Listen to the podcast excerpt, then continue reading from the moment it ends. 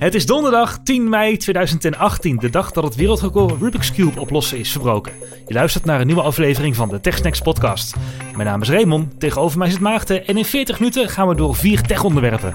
Welkom bij TechSnacks.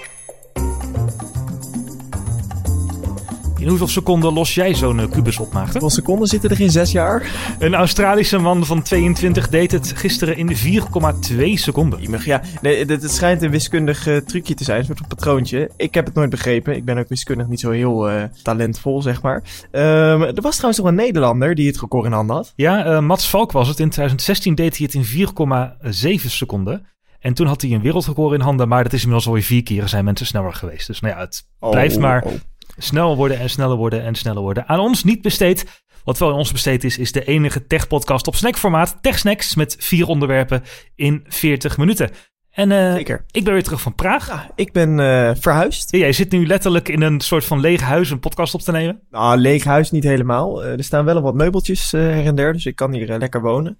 Maar ehm, ik ben vijf minuten verderop gaan wonen van, van waar ik eerst woonde. Maar vandaar de galm, want ik heb nog geen gordijnen hangen. Ja, dat hoor je meteen. Maar goed, en of, wanneer de gordijnen komen was ook niet helemaal duidelijk, toch? Ik moet ze nog uitzoeken. En dat, ik heb echt enorme raampartijen. Dat is heel leuk. Want ik woon nu op de zevende verdieping van. met, heb ik een mooi appartement. En ik kijk heel mooi uit over eh, Amersfoort. Maar die grote ramen zorgen wel eh, eh, dat er ook veel gordijn moet komen hangen. Dus daar ben ik nog eh, over aan het dubben. Wat ik nou in mijn huis wil. Nou, TechSnacks met extra gratis galm aan de kant van Maarten dus. Ehm Raymond, jij bent in Praag geweest. En je bent er naar een museum geweest. Ja, niet zomaar een museum, het Apple Museum. Jij als Apple fanboy moest daar natuurlijk even. Ja, daar moest ik wel even mijn hart op halen, inderdaad. Mooi museum. Ze hebben ook een hele interactieve tourguide die je als app werkt. Je kunt daar met de wifi verbinden. En dan heb je een eh, tour-app waar je alle informatie en fragmenten, et cetera, in kunt lezen. En alles is mooi genummerd. Dat gaat helemaal goed. Ze hebben alles van de Apple 1 tot en met de iPhone 5S. Want de collectie stopt in 2013. Oké, Dus ze hebben geen nieuwere producten. En eh, van gek. ik heb gevraagd waarom het is. Maar ze zeggen ja, het is een hommage aan Steve Jobs en zijn werk. Dus ze hebben er bewust voor gekozen om Ah, eh, de nieuwe producten niet te, op display te zetten. Voor mij leek het meer een smoesje, want dan hoeven ze hun collectie en hun guide niet bij te werken. Ja. Dus nu is het één keer wegzetten en cashen. Nou ja. Nou, zoiets. Ja. Oké, het eerste onderwerp van vandaag. Het is feest. Ja, want eh, de iMac is 20 jaar. Yes, op 6 mei 1998 onthulde Steve Jobs de iMac. En het was eigenlijk eh, ja, een paar maanden nadat hij terugkwam naar Apple. En toen was Apple echt, stond er echt ongelooflijk slecht voor. Ja, dat was helemaal bijna om zeep geholpen, hè? Ja, want Jobs was natuurlijk vertrokken en hij was, had eh, Next Computing begonnen. En Apple was breder en breder en breder gegaan. Ze maakten niet alleen meer Macs, maar ook digitale camera's en printers. En ik heb ze allemaal gezien in het Apple Museum. En eh, de iMac was eigenlijk het eerste product wat hij weer opstartte onder zijn eh, nieuwe leiderschap. En hij moest eigenlijk de wereld ervan overtuigen dat Apple er nog wel toe deed. Want ze waren eigenlijk half failliet. Ze hadden weinig cash, verkochten alleen aan de grafische industrie. Ik wil zeggen, ze hadden ook een hele kleine doelgroep op dat moment. Ja, het was echt de pro-grafische industrie. En ja, wat consumentenrommel zoals camera's en printers waar eigenlijk geen haan naar kraaide. Die hadden ze. Nou ja, die camera's en printers, daar heeft Jobs snel mee afgerekend. Maar hij voelde toch de noodzaak om nog even, voordat hij aan de onthulling van de iMac een nieuwe notebooks begon, toch nog even te vertellen van waarom doet Apple daar eigenlijk nog toe? En ehm, het gaat weer wel goed, jongens. Ho, ho, we zijn er nog. We zijn nog niet failliet. En een van de dingen waaraan aan de hand van hij dat deed, was hoeveel medewerkers ontslag namen. En het was significant eh, afgenomen. Apple's got a very strong senior management team. I, I would hold the senior management team at Apple up against any other in the industry. But most important, Apple's got some very talented employees. And when you have great people, the most important thing is to not lose them. When I came back to last, Apple last summer, Apple was losing a lot of them. The attrition rate annualized was 33%, which meant that if Apple kept losing people at that rate, in a year, a third of them would be gone. And I'm very pleased to say that 10 months later, the attrition rate is 15%. And that that is under the Silicon Valley average today. En hij noemde ook allerlei andere dingen, zoals het bezoek aan apple.com was flink gegroeid. En hij zei eigenlijk van, geloof me nou, we zijn er weer. Zijn er weer, ja precies. En eh, hij onthulde ook een nieuwe strategie, toch? Ja, want wat ik net al zei met die, al die producten, de Mac SE, de Mac XS3, de ProPrint, de Picture camera van Apple. Daar geloofde Jobs allemaal niet meer in. Die producten had hij ook gekild. En hij kwam eigenlijk met een nieuwe strategie. En Apple ging slechts vier producten maken. Ja. Ehm, de desktop en dan eentje voor thuis en eentje voor professioneel gebruik. Eh, en een laptop, eentje voor professioneel gebruik en eentje voor thuis. Ja, dus eigenlijk de Matrix met vier hokjes, die bekende Matrix. Pro, consumer en desktop. Of nee, je desktop en portable. Um, wat we nu nog wel hebben, hè, anno 2018, dan is die computer, bijvoorbeeld de iMac zoals die er nu staat, dat, is, uh, dat kan onderdeel zijn van je interieur. Dat kan best een sexy apparaat zijn. Hè? Telefoons ook, smartphones ook, tablets ook. Dat kunnen mooie apparaten zijn. Daar kan design in gestopt ja. worden. Maar destijds waren computers niet sexy. Dat was een, een, een reken kast die eigenlijk op het werk stond. Ja, een saaie bak voor op kantoor, ja. Ja, ja, precies. En die dat dan op een gegeven moment kreeg van die programma's dat je het dan mee naar huis kon krijgen. Zo'n zo uitgerangeerde ja. computer. Uh, maar dat waren allemaal lelijke kasten. Ja, klopt. En ook het werk wat je op een computer deed was eigenlijk vooral werk. Er was niet echt iets leuks aan computers of zo, weet je. Mensen moesten daar een werk op doen, typen of uh, spreadsheets crunchen of een grafisch iets vormgeven voor hun werk. En dat was het eigenlijk. Maar daar wilde Apple dus met de iMac verandering in brengen. En Steve Jobs ging zich richten op een nieuw hot en opkomend fenomeen, namelijk de internet hype. En hij onthulde de iMac met deze woorden. I'm incredibly pleased to introduce iMac, our consumer product. And iMac comes from the marriage of the excitement of the internet with the simplicity of Macintosh. Even though this is a full-blooded Macintosh, we are targeting this for the number one use that consumers tell us they want a computer for, which is to get on the internet. Simply and fast. En dit was ook het eerste design van Johnny Ive. Want, nou ja, zoals ik al zei, saaie grijze eh, kasten. Uh, leuke kleurtjes. ja, hij begon in Bandy Blue en het jaar daarna, eigenlijk een paar maanden daarna, waren er al allerlei andere smaakjes uh, verkrijgbaar. En ik vond de quote van Steve Jobs: The back of this thing looks better than the front of most PC's. Nog wel misschien wel het meest geniale. Ja, kijk, hier hadden ze dus echt iets wat Apple vaak verweten wordt tegenwoordig. Dat ze uh, heel veel innovatiefs meer doen. En daar ben ik het gedeeltelijk mee eens. Echt met baanbrekend design komen ze niet. Dat deden ze toen wel. En daarmee hebben ze hun lat wel enorm hoog gelegd. En ook de, de, de ja, hun identiteit, de identiteit van Apple als zijnde uh, innovatief, cutting edge op het gebied van design, hebben ze daarmee wel de standaard gezet voor het bedrijf. Wat ze nu een beetje ja, terugkrijgen van, ja jongens, waar blijven jullie? Ja, maar stel je voor, hè, je bent Jonathan Joni Ive en je bent een ambitieus, getalenteerde designer en je mag van Apple de, de jaren daarvoor alleen maar printers en fotocamera's maken. Saaie, zwarte, grijze dingen. Daar zou ik verdrietig van worden. Ja, dus hij kon eindelijk helemaal losgaan met die iMac. Nou, dat was ook wel te zien. Hij had niet zo'n, ja, voor die tijd had hij hele uh, sterke specificaties ook. Het was een redelijk goedkoop geprijsde computer, maar destijds was de PowerPC van 233 megahertz. Dat is 0,2 gigahertz. Hij had 32 NB RAM, niet te verwarren met 32 GB RAM zoals nu tegenwoordig. Ik kon hem uitbreiden naar een shocking amount 128 MB RAM. De harddisk die werd er wel in gigabytes gemeten, namelijk maximaal 128 gigabyte.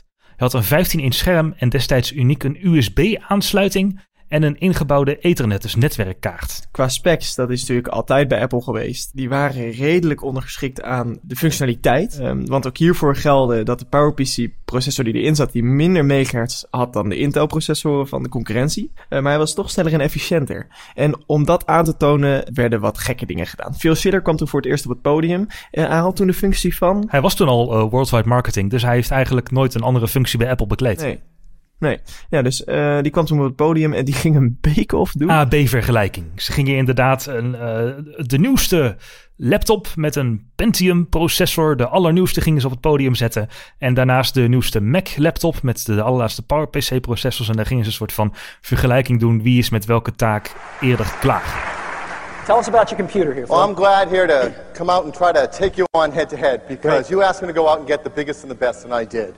Um, this is the brand new compact Armada 7800. It's got a Pentium 2, the new mobile Pentium 2, 266. That's the fastest speed it runs at. It's just been announced. You can't get much better than this. I'm scared.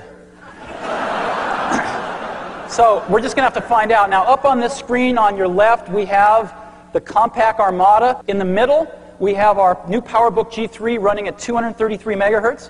And on the far right, we have the G3 running at 292 megahertz. Of course, both of these machines are less money than the compact. So let's go ahead. What we're going to do now is we're going to run two demos. The first is going to be a demo of Photoshop. So we've got Photoshop here, and we've got exactly the same file on all of these computers. So we're going to get this queued up on all three machines, and we're going to have a bake-off here. All right, you ready to go? Sure. Three, two, one, go.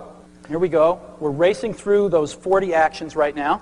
Compositing, cropping, throwing on blurs, doing the types of actions Photoshop customers do every day. Boy, the 292 is really in the lead here. Let's see. Done. Done. 292 is done. 233 is getting close. Done. And uh, Godfrey, on. your, uh, your Pentium there I is think still I can. I think entertaining I can. us. I think I can. Fastest Pentium notebook in the world, ladies and gentlemen. And it's uh, it's almost done. It's uh, done. Yay! Kun je je indenken dat Apple dat anno 2018 zou doen met een Android en een iPhone? Heel gek, heel gek. Ja, nee, dat, eh, dat kan ik me niet voorstellen. Maar je merkt aan alles dat dit die drang was om te bewijzen van... shit gasten, luister, wij bestaan ook nog. Ja, nou en dat lukte. Eh, ze hebben hiermee Apple weer op de kaart gezet. Jobs heeft daar een goed aandeel in gehad. Eh, want als we kijken naar de toekomst. Ja, dit was wel de key, het product, de iMac was het product... wat de toekomst van Apple mogelijk maakte. Want ze verkochten er een hoop. Ja, precies. En dat was ook wel lekker voor hun eh, bottomline. Want ze zaten natuurlijk, ze waren bijna failliet. En de iMac heeft dat eigenlijk omgedraaid. En daarna twijfelden ook eigenlijk nauwelijks meer mensen aan de toekomst van Apple, toch? Nee, klopt. En met die cash van de iMac hebben ze ook de iPod kunnen maken. En toen werd Apple echt een soort van mainstream merk. En ook daarbij stond weer dat design centraal staat. We maken het compact, we maken het gebruiksvriendelijk. En eh, het stelde Apple eigenlijk in staat om te breken met het verleden. Want eh, de afgelopen tijd zijn we best wel eh up in arms geweest met het, de USB-C-poorten op de MacBook en het verdwijnen van de mini-jack. Maar dat deed Apple toen al, want in 1998 was een parallel poort of een SCSI-poort om een externe harde schijf aan te sluiten heel normaal. En de iMac had het allemaal niet meer. Die had gewoon een USB-aansluiting en daar moest je het mee doen. Inmiddels zijn de, de iPods alweer uitgefaseerd. En daarmee eigenlijk ook wel een, een interessant design ding wat Apple destijds introduceerde met de iMac. Al die verschillende soorten kleurtjes. Ik bedoel, ik heb nog een, een appelgroene iPod eh, Nano gehad. Maar dat kun je niet meer krijgen. Dat zie je niet meer. Hè? Apple heeft een beetje, ja, je hebt dan tegenwoordig de iPhone Red, maar eigenlijk is het gewoon, ja, zwart, zilver, space grijs, hooguit. En de Mac kun je ook niet echt meer in vrolijke kleurtjes krijgen. Nee, dat is een beetje, beetje uit of zo, denk ik. Zou dat niet meer van deze tijd zijn? Zou het gewoon uit zijn? Of ehm, waarom zou die keuze gemaakt zijn? Ja, ik denk dat Apple meer een premium merk wil worden. In plaats van de computer for the rest of us zijn ze nu een soort van upmarket gegaan. En daar past denk ik dat hele vrolijke kleurtjes niet bij. En Ik zat even na te denken over hè, wat betekent de Mac anno nu nog? En hij betekent anno nu echt iets compleet anders dan dat hij in 1998 betekende. Want toen had je het nodig om op het internet te gaan. En was het heel moeilijk om op het internet te gaan. Dan moest Apple het soort van gebruiksvriendelijk maken. Maar nu hebben we letterlijk gewoon een tablet en een smartphone in de hand. die alles kan wat die iMac kon: internetten, berichtjes sturen, chatten, netwerken, et cetera. Dus nu is de iMac veel meer een pro-product. Dus, dus dan gaan we toch eigenlijk weer een beetje terug naar de roots. Want video-editors hebben een krachtige iMac nodig. Graphic Media heeft een krachtige iMac nodig. En de professionals van nu, die meer willen dan wat een tablet of een iPhone kan. Die hebben nu een iMac nodig. Dus eigenlijk is de cirkel zo weer helemaal rond. We gaan het zien. Ehm Raymond, we doen dus tegenwoordig veel online. En ik ben nog wel actief op Twitter, vind ik leuk. En ik kreeg een pop-up afgelopen week. Of ik even mijn wachtwoord wilde aanpassen. Oh, dat moet ik nog doen. Ja, ja, we moeten het voor TechSnacks ook nog doen. Ehm, maar ehm, wat is er nou gebeurd? Er was een bugje bij Twitter. En ik vind het een raar verhaal. Ik heb even de passage uit het blogje van Twitter eh, gehaald waar dit in wordt uitgelegd. Het was overigens breed in het nieuws. De, de NOS schreef er ook over. En het gaat erom dat eh, heel veel wachtwoorden van, van duizenden accounts, eh, die waren eh, nee, ja, niet encrypted, opgeslagen ergens. Dus daar kon je gewoon bij. En eh, dat schijnt fout te zijn gegaan in het proces waarin wachtwoorden worden verwerkt bij Twitter. Want zij zeggen dat ze ehm, met een proces dat hashing heet en de functie bcrypt, ik weet niet of je dat wat zegt. Ja, ja, dat is een hashing-algoritme. Ja. Met dat algoritme, daar wordt het daadwerkelijke wachtwoord. Dus als je gewoon een woord intikt, eh, zoals TechSnacks, dan wordt dat omgezet in een random verzameling van letters en nummers. En dat wordt in het systeem van Twitter gezet. En daardoor kan, als je inlogt, kan Twitter eh, je wachtwoord valideren zonder dat het wachtwoord daadwerkelijk gezien moet zijn. ja, dus de hash die ze op hebben geslagen. Ze maken van een wachtwoord wat je intikt, maken ze opnieuw een hash. En die vergelijken ze met de hash die op is geslagen en komen die overeen, dan ben je ingelogd. En zo hoeven ze je wachtwoord niet te weten of op te slaan in plain Precies. text. En dat, dat is eigenlijk de standaard eh, die heel veel websites hiervoor gebruiken en heel veel systemen. Maar nou was er een bug, namelijk dat eh, wachtwoorden eerst naar een eh, log ergens werden geschreven, voordat dat proces van hashen, dus het omzetten naar die tekens, Was gebeurd. Oké, dus ze hebben gelogd wat iemand in een wachtwoordveld invulde. Waarschijnlijk om een keer te debuggen of te kijken of de hashing goed werkte. Juist. En dat waarschijnlijk nooit meer uitgezet of zo. Ja, Ja, ik kan me haast niet voorstellen. Het is zo'n groot bedrijf. Ja, ook, ook binnen grote bedrijven kan in een bepaald PHP-file nog wel eens een, een debugging of een log-ding blijven bestaan, denk ik dan. Maar dat moet toch niet mogen? Nee, daar hoor je eigenlijk gewoon procedures voor in acht te hebben van eh, twee mensen die checken van oké, voordat we het live zetten op de productie, op wat iedereen gebruikt, horen minimaal twee mensen dat nagekeken te hebben. En zeker, Zeker bij zo'n multinational als Twitter. ja, en zeker iets wat logbestanden vol gaat schrijven, dat moet eigenlijk wel opvallen. Zeker van zoveel mensen. Ze hebben niet gezegd hoe, hoe lang het is gebeurd, hè? Hoe lang het is geweest. Nee, nee. En eh, ze hebben wel gezegd dat eh, er geen tekenen zijn van misbruik. Van, zowel door intern als extern. Nee, want die logbestanden kun je alleen opvragen als je intern bent. En ik denk niet dat medewerkers in hun vrije tijd logbestanden van een massale service als Twitter door gaan lezen. Ja, je weet het niet. Ik bedoel, ehm, ik wil niet eh, vervelend zijn, maar als we even teruggrijpen naar waar we het vorige week over hebben gehad, wat er op jouw werk gebeurd is. Ja. Volgens mij kun je ook, als je een beetje slim bent, een boel verdonkere maanden. Dus ik vind het allemaal een beetje een vaag verhaal. Maar goed, Twitter ad- adviseert dus eh, voor iedereen om eh, de wachtwoorden aan te passen. Zeker als je dit wachtwoord ook gebruikt voor andere diensten. En het is natuurlijk wel eh, hip en happening, hè, dat, dat die hele online veiligheid. Want we hebben tegenwoordig zoveel accounts overal op internet. Ik merkte het zelf nu, eh, nu dat ik ging verhuizen, moest ik bij een aantal websites eh, wat spulletjes bestellen. Eh, dat vond ik handig, dan wordt het gewoon thuis bezorgd. Mhm. Nieuwe pannen bij Coolblue. Ik had op een veilingwebsite wat spullen gekocht. En dan moet je telkens een account aanmaken. Ik heb een, een bank besteld bij, een, bij, bij Gozens. En dan moest ik daar ook weer een account aanmaken, zodat ik... Tenzij je overal hetzelfde wachtwoord Dus ik gebruikt, maar dat moet je natuurlijk niet doen. vijf, zes online accounts erbij. Alleen voor mijn verhuizing. En dan moet je allemaal wachtwoord voor invullen. Tegenwoordig is het dus te veel online om je wachtwoord te kunnen onthouden. Ja, dat is al een tijdje zo. Nee, want er zijn een aantal common tips en tricks om te zorgen dat je online een beetje veilig te werk gaat. En dat is namelijk dat je niet overal hetzelfde wachtwoord gebruikt. Want er zijn online databases van grote hacks. En dat is ook de afgelopen tijd in het nieuws geweest. Die worden gekoppeld soms aan zoekmachines die ook weer snel verdwijnen. eh, waarin wachtwoorden te vinden zijn van accounts gekoppeld aan e-mailadressen van grote hacks. Dus hou er rekening mee dat als je dat ooit hebt gedaan, wat dus heel veel mensen hebben gedaan, en misschien nog wel doen die hetzelfde wachtwoord voor alles gebruiken, dat dat ergens online op internet staat gekoppeld aan jouw gegevens. Dus als je een beetje goed gaat zoeken en je bent kwaadwillend en je hebt ruzie met iemand, Vraag maar aan mijn ex-collega die niet heel handig was met internet, maar toch zich in een behoorlijk aantal iCloud-accounts heeft weten te wurmen. Dus nou, de, de, de tips en tricks die vaak gegeven worden, laat je wachtwoorden genereren. Er zijn een aantal tools voor. Gebruik two-factor eh, identification. Dat is niet overal mogelijk nog, maar op Twitter bijvoorbeeld wel. Is wel iets meer gedoe soms, maar goed. Ja.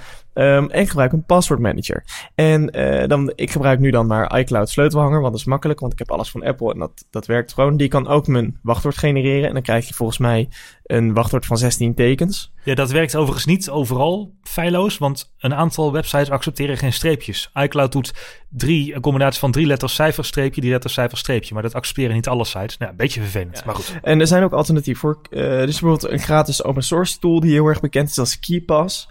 Er is eh, OnePassword, daarvoor moet je een abonnement hebben. En LastPass, dat is een eh, mooie tool eh, waar je ook abonnementskosten hebt. Dat zijn 2, 3 dollar per maand hoor, dus dat valt mee. En LastPass werkt ook helemaal cross-platform. Ja, en ze hebben een, als je niet zo heel veel apparaten hebt, ook een gratis variant waar je wel mee uit de voeten kunt. Maar ik, ik zat hier dus even over te lezen. En dan toen, ja, bekroop me toch een beetje een gevoel van, het zit me, ja, het voelt gek. Het zit me niet helemaal lekker. Want ik eh, vertrouwde Twitter. En was ik dan te naïef? En ben ik dan misschien nu te paranoïde als ik denk, ja, oké, dus ik moet dan zo'n eh, wachtwoordmanager gaan gebruiken. Super chill, ik gebruik iCloud van Apple wel. En dan eh, hoor ik achter in mijn hoofd dat stemmetje van, ja, maar iCloud is ook gehackt. Nee, iCloud is nooit gehackt, maar ze kunnen wel redelijk makkelijk, als ze wat van je weten met je beveiligingsvragen, in je iCloud. Als je daar geen twee-factor op hebt, et cetera. Ja. Maar dat is inderdaad wel een punt, want met zo'n password manager heb je één master wachtwoord, wat al jouw andere wachtwoorden ontgrendelt. Dus je moet verdomd zeker zijn dat je master wachtwoord een goed wachtwoord is. En toch, ehm, dus, dus, dus dat speelt, oké, nou prima, daar kunnen we dan misschien nog wat aan doen. Maar ben ik dan toch te paranoïde als ik denk van, oké, ik vind het toch een raar, eh, niet heel prettig idee om me een digitale dienst mijn online veiligheid te laten faciliteren. Die diensten die gebruiken wel hele goede versleuteling en encryptie. En die slaan het echt wel op een manier op waardoor je niet door een tekstbestandje uit te lezen van die server van die dienst jouw wachtwoorden kunt zien. En dat kunnen ook medewerkers van die dienst niet. Dus dat zit wel goed. Oké, en wat nou als bijvoorbeeld LastPass over de kop gaat? Nou, dan staan de wachtwoorden lokaal op een device, zoals een Mac of een iOS-apparaat, waardoor je ze altijd nog wel kunt herstellen. Maar inderdaad, ehm, ja, dan zal het niet meer synchroniseren. Dus dan is het wel een hoop werk. Ja, precies. En dan zou je moeten overstappen naar... Gebruik jij een password manager? Uh, iCloud Keychain inderdaad, omdat ik ook volledig in het iCloud-ecosysteem zit. En ik uh, doe eigenlijk nog een aantal andere dingen bij bijvoorbeeld webshops, et cetera. Wat een goede tip is, en dat kun je bij een heleboel diensten toepassen, is bij bijvoorbeeld Gmail kun je een e-mailadres met een plusje doen. Dus dan kun je zeggen Raymond plus coolblue at gmail.com en dan komt al jouw mail van Coolblue komt dan automatisch in een mapje Coolblue bij Gmail. Dat is niet alleen handig voor sorteren, maar dat zorgt er ook voor dat mensen jouw e-mailadres heel makkelijk kunnen raden. Dus als iemand in jouw account wil inbreken, dan moeten ze al weten welk woordje achter die plus hebt gedaan om een wachtwoordreset aan te vragen. Ah, oké. Dat is een goede tip, ja. Dus daar heb je een soort van extra veiligheidsmaatregel. En dan is het ook handig om niet Coolblue bij Coolblue achter de plus te doen, maar iets anders, weet je wel. Ik heb nu mijn strategie volledig verraden. maar dat maakt niet uit. Ja, precies. Dus voor, als iemand Raymond's e-mailadres wil weten, gewoon de webwinkel weghalen, dan weet je. Ja, als je me wachtwoord bij Coolblue wil resetten, weet je hoe je dat moet doen. Ik zie de mailtjes tegemoet. um, en wat ook helpt, is gewoon accounts verwijderen. Je hebt een bank bij Goossens gekocht. Uh, print daar de uh, factuur van uit. Uh, sla die factuur op in je Dropbox of in een ander mapje. En verwijder je account daar weer. In hoe minder databases jouw gegevens zitten, hoe veiliger je bent. En je kunt bij een heleboel webwinkels tegenwoordig ook als gast afrekenen. Dus dan hoef je niet het hele proces door van registratie en validatie en een wachtwoord kiezen. Dat doe ik tegenwoordig ook altijd eigenlijk. Dus als het kan, Precies. dan ga ik als gast aankopen doen. Dan zorg ik dat ik het garantiebewijs en de factuur en mijn uh, aankoopbewijs goed bewaar in een mapje of een letterlijke map als printje. En daarnaast gewoon proactief, ja, daar denk je wellicht niet aan proactief accounts verwijderen. Gewoon. Ja, dus hou een beetje zicht op uh, je, je, waar je gegevens op het web blijven. Dat is eigenlijk ook nog wel een goede tip. Ja, en als je dat met, met dat plusteken doet, dan zou ik zeggen, ja, dan ben je toch, moet je toch redelijk veilig zijn als je ook nog twee factor erbij hebt. Heel goed. Ik ben nog wel benieuwd of luisteraars hier nog wat over te melden hebben. Dus laat het even weten via techsex.nl. Uh, Raymond, jij hebt uh, de iPhone 10 en die is doomed. Ja, want de afgelopen weken zijn er nogal wat berichten over de iPhone 10 verschenen. Ik noem kwarts. Almost nobody wants an iPhone 10. CNN. Apple sinks in fear of slowing iPhone sales. USA Today. iPhone 10 over? Apple stock tanks on sales fears. Dus ja, Apple kan met die iPhone 10 zijn uh, boel wel inpakken. Want uh, als je dat moet geloven, gaat het helemaal fout. Daar lijkt het wel op. Maar Apple die stond daar iets anders in bij de presentatie van de kwartaalcijfers. Die noemde dat consumenten het meest voor de iPhone 10 kozen in het tweede kwartaal.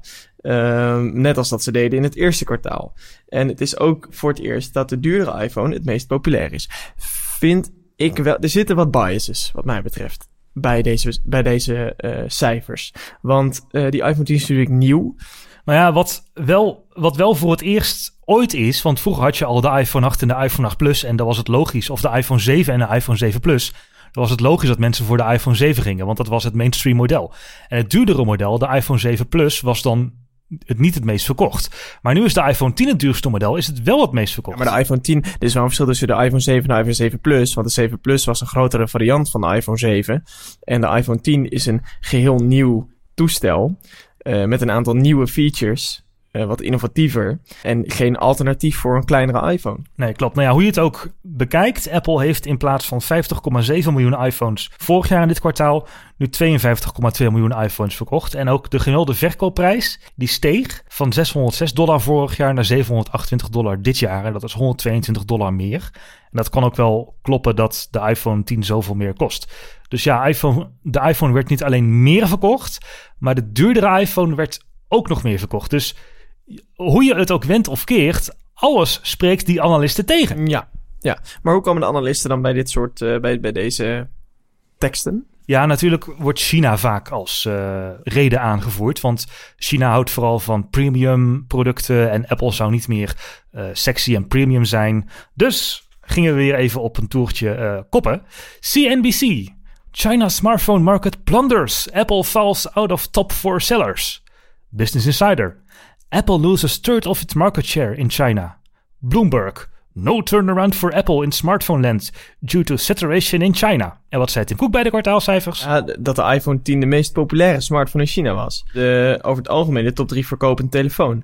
Maar ik, dat is wel wij van WC Eend, hè? Nee, nee, nee. Tim Cook mag op die, op die calls mag hij niet liegen. Dat zijn kwartaalcijfers, dat zijn financiële statements die hij daarna maakt. Als hij daarvoor ligt, kan hij ervoor in de cel gegooid worden. Ja, maar hoe kan, hoe kan deze discrepantie ontstaan tussen wat de eh, analisten zeggen en wat eh, Apple zelf naar buiten brengt? Ehm, in één woord kliks.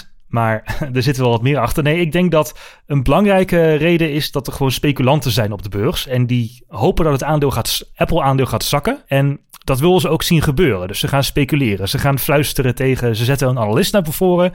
En die gaat tegen CNBC en Bloomberg zeggen: van... hé, hey, ik heb van eh, insiders gehoord dat het eh, niet zo goed gaat met de iPhone 10. En dat eh, nou, de cijfers dalen. En ja, dat is gewoon doomed. En eh, het hoogtepunt daarbij vond ik nog wel dat één analist had gezegd dat de iPhone 10 end of life was. En dat het zo slecht ging dat Apple de productie alvast maar heeft gestopt. Omdat er toch een nieuwe aankomt die het wel moet gaan doen of zo. Ehm, en in China wilden ze de notch niet. En nou ja, daar was een hoop, eh, werd een hoop bullshit opgemaakt eigenlijk. ja, dit gaat mij wel een beetje aan.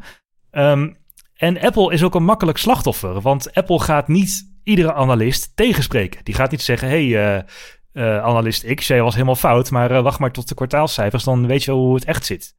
Maar wat er wel gebeurt, is dat heel veel blogs, die zijn op zoek naar kliks, en die gaan dat soort verhalen herbloggen, want dat doet het best wel lekker. Oh, is de iPhone 10 toch niet een succes wat Apple verwachtte? iPhone 10 in het slop. Nou, je hebt de headlines gehoord. En Apple is daar eigenlijk dus een heel makkelijk slachtoffer van. Werkt het of niet op de beurs? Ja, het werkt zeker, want het aandeel is uh, zeker twee weken terug door die, door die negatieve nieuwskoppen best wel gezakt. Ja, ja. Als mensen hè, speculeren op dat het Apple-aandeel zakt en daar geld mee verdienen. Wat zij willen zien is dat het aandeel zakt. En als je dan Bloomberg of CNBC zijnde als analist wat in kan fluisteren, waardoor dat verhaal zijn eigen leven gaat leiden en ook allerlei blogs het over gaat nemen, ja, dan heb je succes en dan verdien je geld. Dus dat is Ja. geld verdienen. Maar ik denk ook dat er nog wat anders achter zit, want heel vaak zijn de bronnen van dat soort uh, geruchten van, oh, die iPhone verkoopt niet lekker, dat Apple de productie zou terug hebben geschaald. En dat komt dan vaak van leveranciers van componenten zoals het scherm of de camera of een bepaalde sensor. Maar wat je je altijd moet afvragen bij dat soort verhalen van leveranciers is, wat hebben zij eraan te winnen dat ze dat de wereld inbrengen? Ik denk dan, misschien gaat het niet zo goed met die leverancier. Moet hij bij zijn eigen kwartaalcijfers ook een daling in de winst verantwoorden. En wat was het dan makkelijker om te zeggen: ja, we hadden een grote klant en een grote order. En uh, die klant die mag ik niet noemen, was een van de grootste smartphonebedrijven ter wereld. En die had zoveel afgenomen, maar toen uh, ja, wilden ze ineens minder afnemen, want het ging slecht met de telefoon. En daarom zitten wij in het slop. Daarom zijn onze cijfers minder. Het, ligt niet aan ons, het is Apple. Ja, maar oh, nee, maar Raymond, je zei net toen ik dat Apple verweet, zei je net van ja, maar hier kan Tim Cook niet liegen. Dus deze mensen kunnen dat ook niet. Nee, on the record niet. Maar ze kunnen best wel een analist of een... Laten lobbyen bedoel je? Ja, ze kunnen best wel een analist of een blogger iets influisteren van... hey, mm. wij zijn verantwoordelijk voor component X, Y en Z... en uh, je mag via uh, digitimes.com in Taiwan wel even bloggen dat, uh, dat het slecht gaat... dat het mogelijk via Apple gaat... Want dat wordt dan toch wijd overgenomen. Hè? En dan zet het alvast een soort van verwachting voor de resultaten van die leverancier. Dat is hun winst, zeg maar. Oké, okay, maar ze moeten dit ergens op baseren. Want je kan niet iets uit de lucht grijpen en zeg maar op nul basis zo'n verhaal de wereld in helpen. Dus je moet iets hebben om het, om het enigszins mee te onderbouwen. En dat kan een interpretatie van iets zijn, vanuit een andere kant dan dat, dan dat Apple het graag naar voren brengt. Maar wat gebeurde er nu echt? Uh, nou, ik weet natuurlijk niet wat er echt gebeurde, maar ik heb wel een vermoeden. En ik denk dat dat ook wel het meest logische verhaal is. Namelijk, als je naar de gemiddelde verkoopprijs van de iPhone in het eerste kwartaal kijkt van het jaar. En in het tweede kwartaal is die iets lager. En in het eerste kwartaal was dat de launch van de iPhone 10. Dus toen hebben alle diehard fans hebben de iPhone 10 gekocht. En Apple heeft zich ingesteld op, nou, per maand ja. gaan we zoveel procent iPhone 10, zoveel procent iPhone 8 en zoveel procent iPhone 8 Plus verkopen. En met die percentages, die mix in het achterhoofd, blijven we orders plaatsen voor componenten. En dat na het eerste kwartaal, toen het enthousiasme over was en de kerst was voorbij, dat het toen iets geshift is naar de iPhone 8 en de 8 Plus. Ze zijn niet de, het hoofdmodel geworden, maar er zijn iets minder iPhone 10's verkocht tegenover de iPhone 8 en de 8 Plus. Nog steeds wel de best verkopende model, maar gewoon iets minder.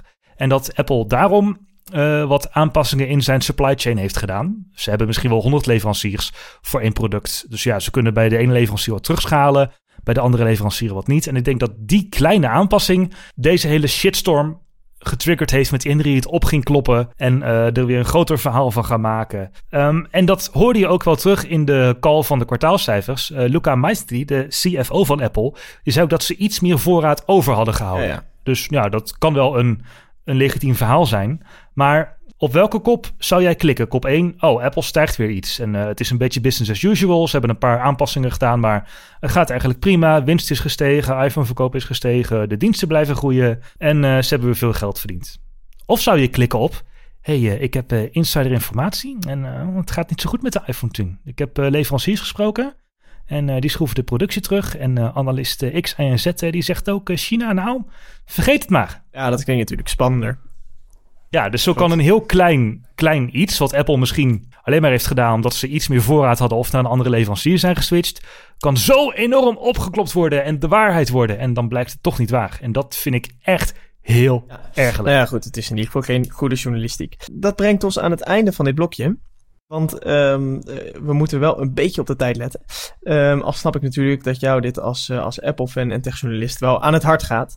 Uh, maar um, we gaan het hebben over Google en Android. Want de Google I.O. is geweest. Ja, was weer een mooi evenement waar Google al zijn machine learning en AI-spierballen weer helemaal heeft laten zien. Ja, ik heb een beetje gemengde gevoelens bij, dit, uh, bij de aankondigingen. Want holy shit, ik ben excited over een aantal dingen die ze hebben gelanceerd. Maar ik ben ook doodsbang. Want Google heeft meer dan ooit ingezet op artificial intelligence en op augmented reality. Dat zijn eigenlijk de twee paradepaardjes van deze, van deze Google I.O. Ja, laten we gewoon de meest, meest bizarre maar meteen uh, als eerste pakken. Uh, Google Assistant. de Siri-concurrent, de Cortana concurrent van Google, die eigenlijk van alle uh, personal assistants, digitale assistenten op de, op de smart devices het beste heeft gewerkt. En opnieuw laat Google echt een bizarre innovatie zien. Ze komen met zes nieuwe stemmen, maar uh, de functionaliteit en het werken van die stemmen, um, dat is sterk verbeterd. Uh, en ze gebruiken daar WaveNet voor, voor een natuurlijke spraak. Kun jij toelichten wat WaveNet is, Raymond? Ja, dat is een algoritme wat een, met een artificial intelligence een heel natuurlijke stem kan genereren en ook de pauzes en de intonatie juist kan doen.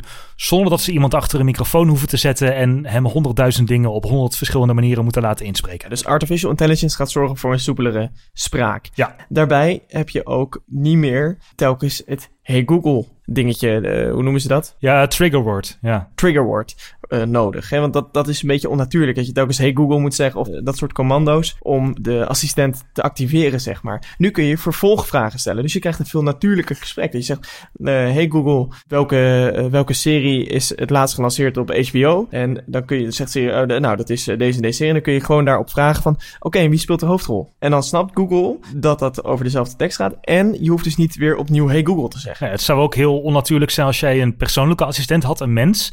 En je moest steeds tussen elke vraag zeggen: Hey, assistent. Ja, zo praten mensen ook niet. Dus dat is natuurlijk een enorme winst. Nee. Maar dit, dit, wordt wel een beetje creepy. Want die Google Assistant spreekt dus vloeiend. Dat gaat helemaal normaal. Alsof je met een ander mens praat. En je kan een normaal, uh, een normaal gespreksopbouw kun je gebruiken. Wat ook een beetje creepy is dat voor die functionaliteit, omdat dat triggerword niet telkens gebruikt wordt, blijft speaker of uh, het device wat je gebruikt, blijft langer luisteren. Ja, dus er wordt meer van je gesprekken opgepikt. Opgenomen, ja. Dus ook de dingen die jij misschien die assistent niet wil laten horen, worden wel opgenomen en verwerkt. En Google zegt dan dat ze onderscheid kunnen maken tussen commando's die je aan de assistent geeft. Dus iets wat Google Assistant kan begrijpen. Of is het gewoon een normaal gesprek wat mensen onderling hebben terwijl je wat jij tussen de commando's in zegt. Maar dat betekent dus wel dat ook die commando's die jij tussen de twee, of net de gesprekken die jij tussen de twee commando's inzegt, worden ook verwerkt en geanalyseerd. Dus ja, dat is wel iets om rekening mee te houden. En ze kunnen ook meerdere acties tegelijk gaan uitvoeren, die Google Assistent. Dus twee acties. Dat is bijzonder complex. Ja, want je moet dan natuurlijk een N zeggen. Dus hey Google, doe X en Y. Maar als jij bijvoorbeeld vraagt om een nummer van Casey en de Sunshine Band af te spelen... en het licht rood te maken...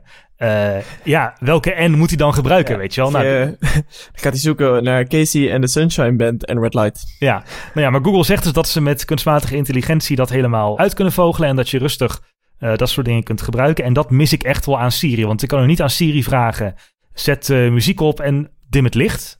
Moet twee keer, hey madame, dim het licht. Dan oké, het licht is gedimd het alweer. hey madame, zet muziek op. Ja, zo praat je gewoon niet tegen een assistent eigenlijk. Nee. En uh, overigens, het komt ook in het Nederlands, goed om te weten. De, wat ook wel grappig is, ik moest er een beetje om lachen. Uh, er komt een functie op Pretty Please. Ja. Namelijk, als je pedagogisch gezien kinderen een assistent geeft waar ze alles tegen kunnen snauwen en die het dan nog doet ook. Uh, dat schijnt voor de opvoeding niet helemaal goed te zijn. Um, dus zegt de Google Assistent, Pretty Please. En die gaat alleen antwoorden als je please zegt en complimentjes geeft. Dat komt later dit jaar. Ja, en ze gaan kinderen er ook voor belonen. Hè? Dus ze gaan ook zeggen van, oh wat aardig dat je het met alsjeblieft vraagt. Dat is een modus die je als ouder aan kunt zetten. Oké, okay, maar toen werd het echt creepy, want toen gingen ze namelijk die Google Assistent inzetten voor jou. Uh, er werd een demo gegeven waarin de Google Assistent zelf een kapsalon belt. Dus de assistent, de, de digitale assistent, de computer, die belt daadwerkelijk met een mens in een kapsalon. En die gaat een kappersafspraak maken. Dat klinkt zo. So let's go back to this example. Let's say you want to ask Google to make you a haircut appointment on Tuesday between 10 and noon. What happens is the Google Assistant makes the call seamlessly in the background for you. So, what you're going to hear is the Google Assistant actually calling a real salon to schedule the appointment for you. Let's listen.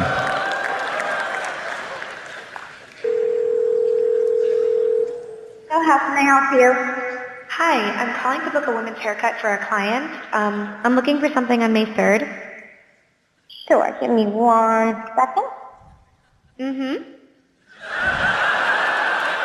Sure. What time are you looking for around? At 12 p.m. We do not have a 12 p.m. available. The closest we have to that is a 1.15. Do you have anything between 10 a.m. and uh, 12 p.m.? Depending on what service she would like. What service is she looking for? Just a woman's haircut for now. Okay, we have a 10 o'clock. 10 a.m. is fine. Okay, what's her first name? The first name is Lisa. Okay, perfect. So I will see Lisa at 10 o'clock on May 3rd. Okay, great. Thanks. Great. Have a great day. Bye. Serieus, ik vind dit dus The echt... mind is blown. Nou ja, eh, bizar. Bizar. Het, doet me meteen een beetje denken in een boek wat ik nu aan het lezen ben. Ready Player One. Dikke aanrader. Science fiction, roman, thrillerachtig uh, boek. Maar ik, serieus, ik hoorde dit. En ik, ja, de toekomst is hier. De science fiction is, is geen fiction meer, maar het, het is er gewoon. Maar moeten we dit willen, is de vraag. Ja, dat weet ik niet zo goed. Ik heb daar oprecht nog niet, nog niet genoeg over nagedacht. Wat voor gevolgen dit heeft als een computer voor mij dingen kan regelen. Nou, het is natuurlijk A, superhandig. Dat wel, want niet alle interfaces zitten programmatisch aan elkaar. Dat jij in de agenda van de kapper kan kijken. Niet iedereen heeft het online staan bijvoorbeeld, of een online afspraakmogelijkheid. Maar wat mij vooral stoorde, en ik weet niet in hoeverre dit al ontwikkeld is, is dat de assistent zich niet voordat het telefoongesprek identificeert als ik ben een virtueel ding wat nu nee. een afspraak gaat maken. En dat hoor je dus ook niet. Die assistent deed zich voor, nee, die deed zich voor als een echte personal assistant. Ja, dus daarmee is de assistent ook meteen gepersonificeerd. Ja, en ik vraag me af of dit nou... Hè, Google probeert natuurlijk dingen aan elkaar te knopen... met automatisch data verzamelen. Maar niet iedere kapper levert zijn uh, agenda als data aan. Dus dit is wel een oplossing. Maar is dit meer dan een coole tech-demo? Ik weet het nog niet. Wat ik trouwens wel uh, handig vond... maar dat valt ook weer in de schaal van creepy... is dat Google Assistant ook straks um, bedrijven kan gaan bellen met de vraag of een openingstijden die in Google staan nog kloppen.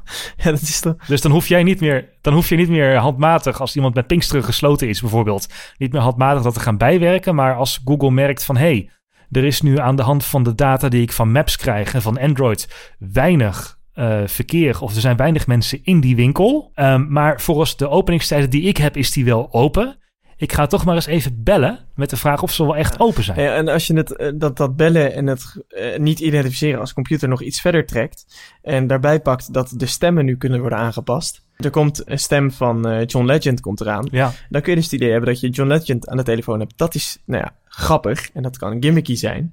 Maar stel nou dat doordat Google, en dat, dit is conspiracy en uh, alihoedje niveau is vrij hoog. Maar stel nou, daar gaan we hoor die Google Assistant die luistert namelijk veel meer mee. Dus die slaat heel veel van mijn stem op. Ja? Heel veel. Ik gebruik dat twee jaar, Google Assistant. Hè?